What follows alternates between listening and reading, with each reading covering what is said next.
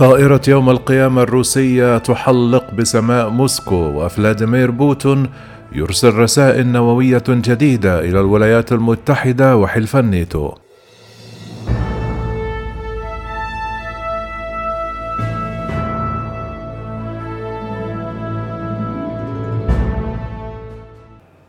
شوهدت الطائرة الروسية الرئاسية التي تعرف باسم يوم القيامة في سماء موسكو علما بأنها تتيح للرئيس فلاديمير بوتين مواصلة حكم البلاد في حالة اندلاع حرب نووية. واعتبر خبراء عسكريون ظهور هذه الطائرة التي تستخدم فقط في الحرب النووية. رسالة تحذير شديدة اللهجة من روسيا إلى دول الناتو والغرب بشكل عام. أظهرت مقاطع مصورة الطائرة من طراز إلوشين إيل إيدي تحلق الثلاثاء على ارتفاع منخفض فوق أطراف موسكو مما أثار مخاوف من لجوء بوتون إلى الأسلحة النووية في حرب أوكرانيا. رغم تأكيد المسؤولين الروس أن ظهور الطائرة في الوقت الراهن كان استعدادا للمشاركة في احتفالات يوم النصر الذي وافق الاثنين فإن خبراء قالوا إن الطائرة العملاقة لم تشارك في إحياء هذه الذكرى منذ عام 2010 صممت طائرة يوم القيامة لتكون بمثابة كرملين طائر في حال اندلاع حرب نووية يمكن إعادة تزويدها بالوقود في الهواء وبداخلها يكون بوتين قادرا على حكم روسيا وإصدار الأوامر لجيشه لشن ضربات نووية من موقع القيادة المحمولة جواً.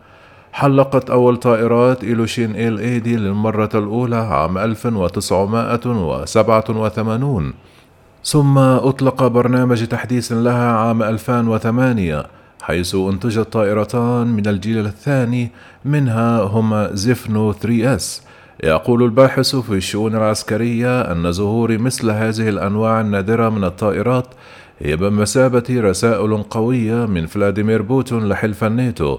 لأن ظهورها غير وارد حتى في العمليات العسكرية.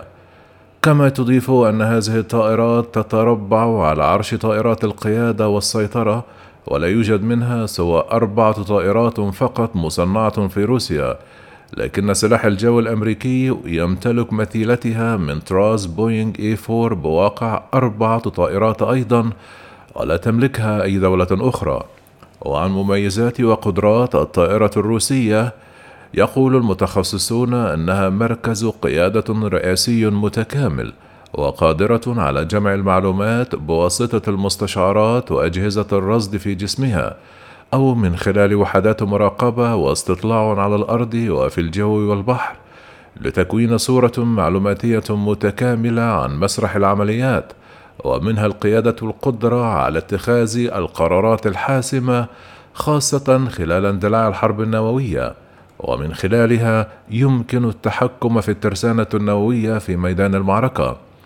كما يؤكد خبراء أن الغرض الرئيسي من صنعها احتمالية التعرض لحروب نووية ومستويات عالية من الدمار والإشعاع مما يسبب توقف غرفة العمليات الرئيسية والمطارات. لذلك صنعت بقدرات خيالية حيث يمكنها أن تبقى في الجو لمدة أسبوعين كما يستطيع جسمها حماية الركاب وتحمل الموجات الكهرومغناطيسية. كما ظهر الصاروخ الروسي الذي يوصف بالرهيب حيث نشرت وزارة الدفاع الثلاثاء فيديو لإطلاق صواريخ عالية الدقة من طراز أونيكس البحرية على مواقع للبنية التحتية العسكرية الأوكرانية. أصبح الصاروخ أونيكس فوق الصوتي الذي استخدمته البحرية الروسية لاستهداف السفن والغواصات المعادية صاروخا متعدد المهام وذلك بعد إدخال تعديلات في تصميمه كشف عنها عام 2021 علما أنه يعرف تجاريا باسم ياخونت كما أنه صاروخ متوسط المدى وتمتلكه البحرية الروسية منذ عشرون عاما وصدر إلى كل من الهند وفيتنام وإندونيسيا وسوريا.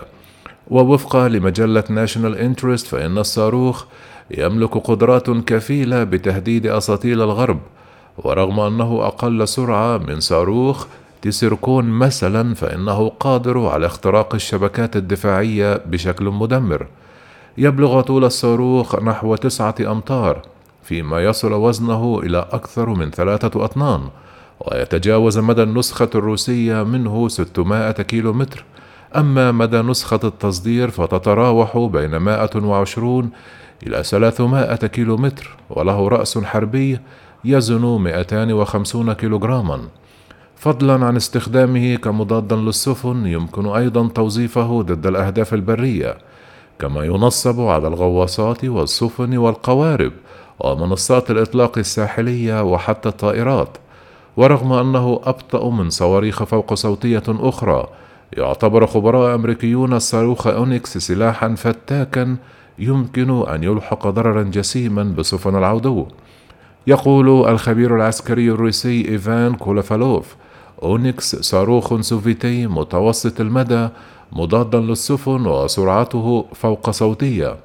كما يضيف أنه رغم أونيكس ليس جديدا فإنه يظل سلاحا رهيبا يمكنه أن يحقق مهاما قتاليا كبيرة.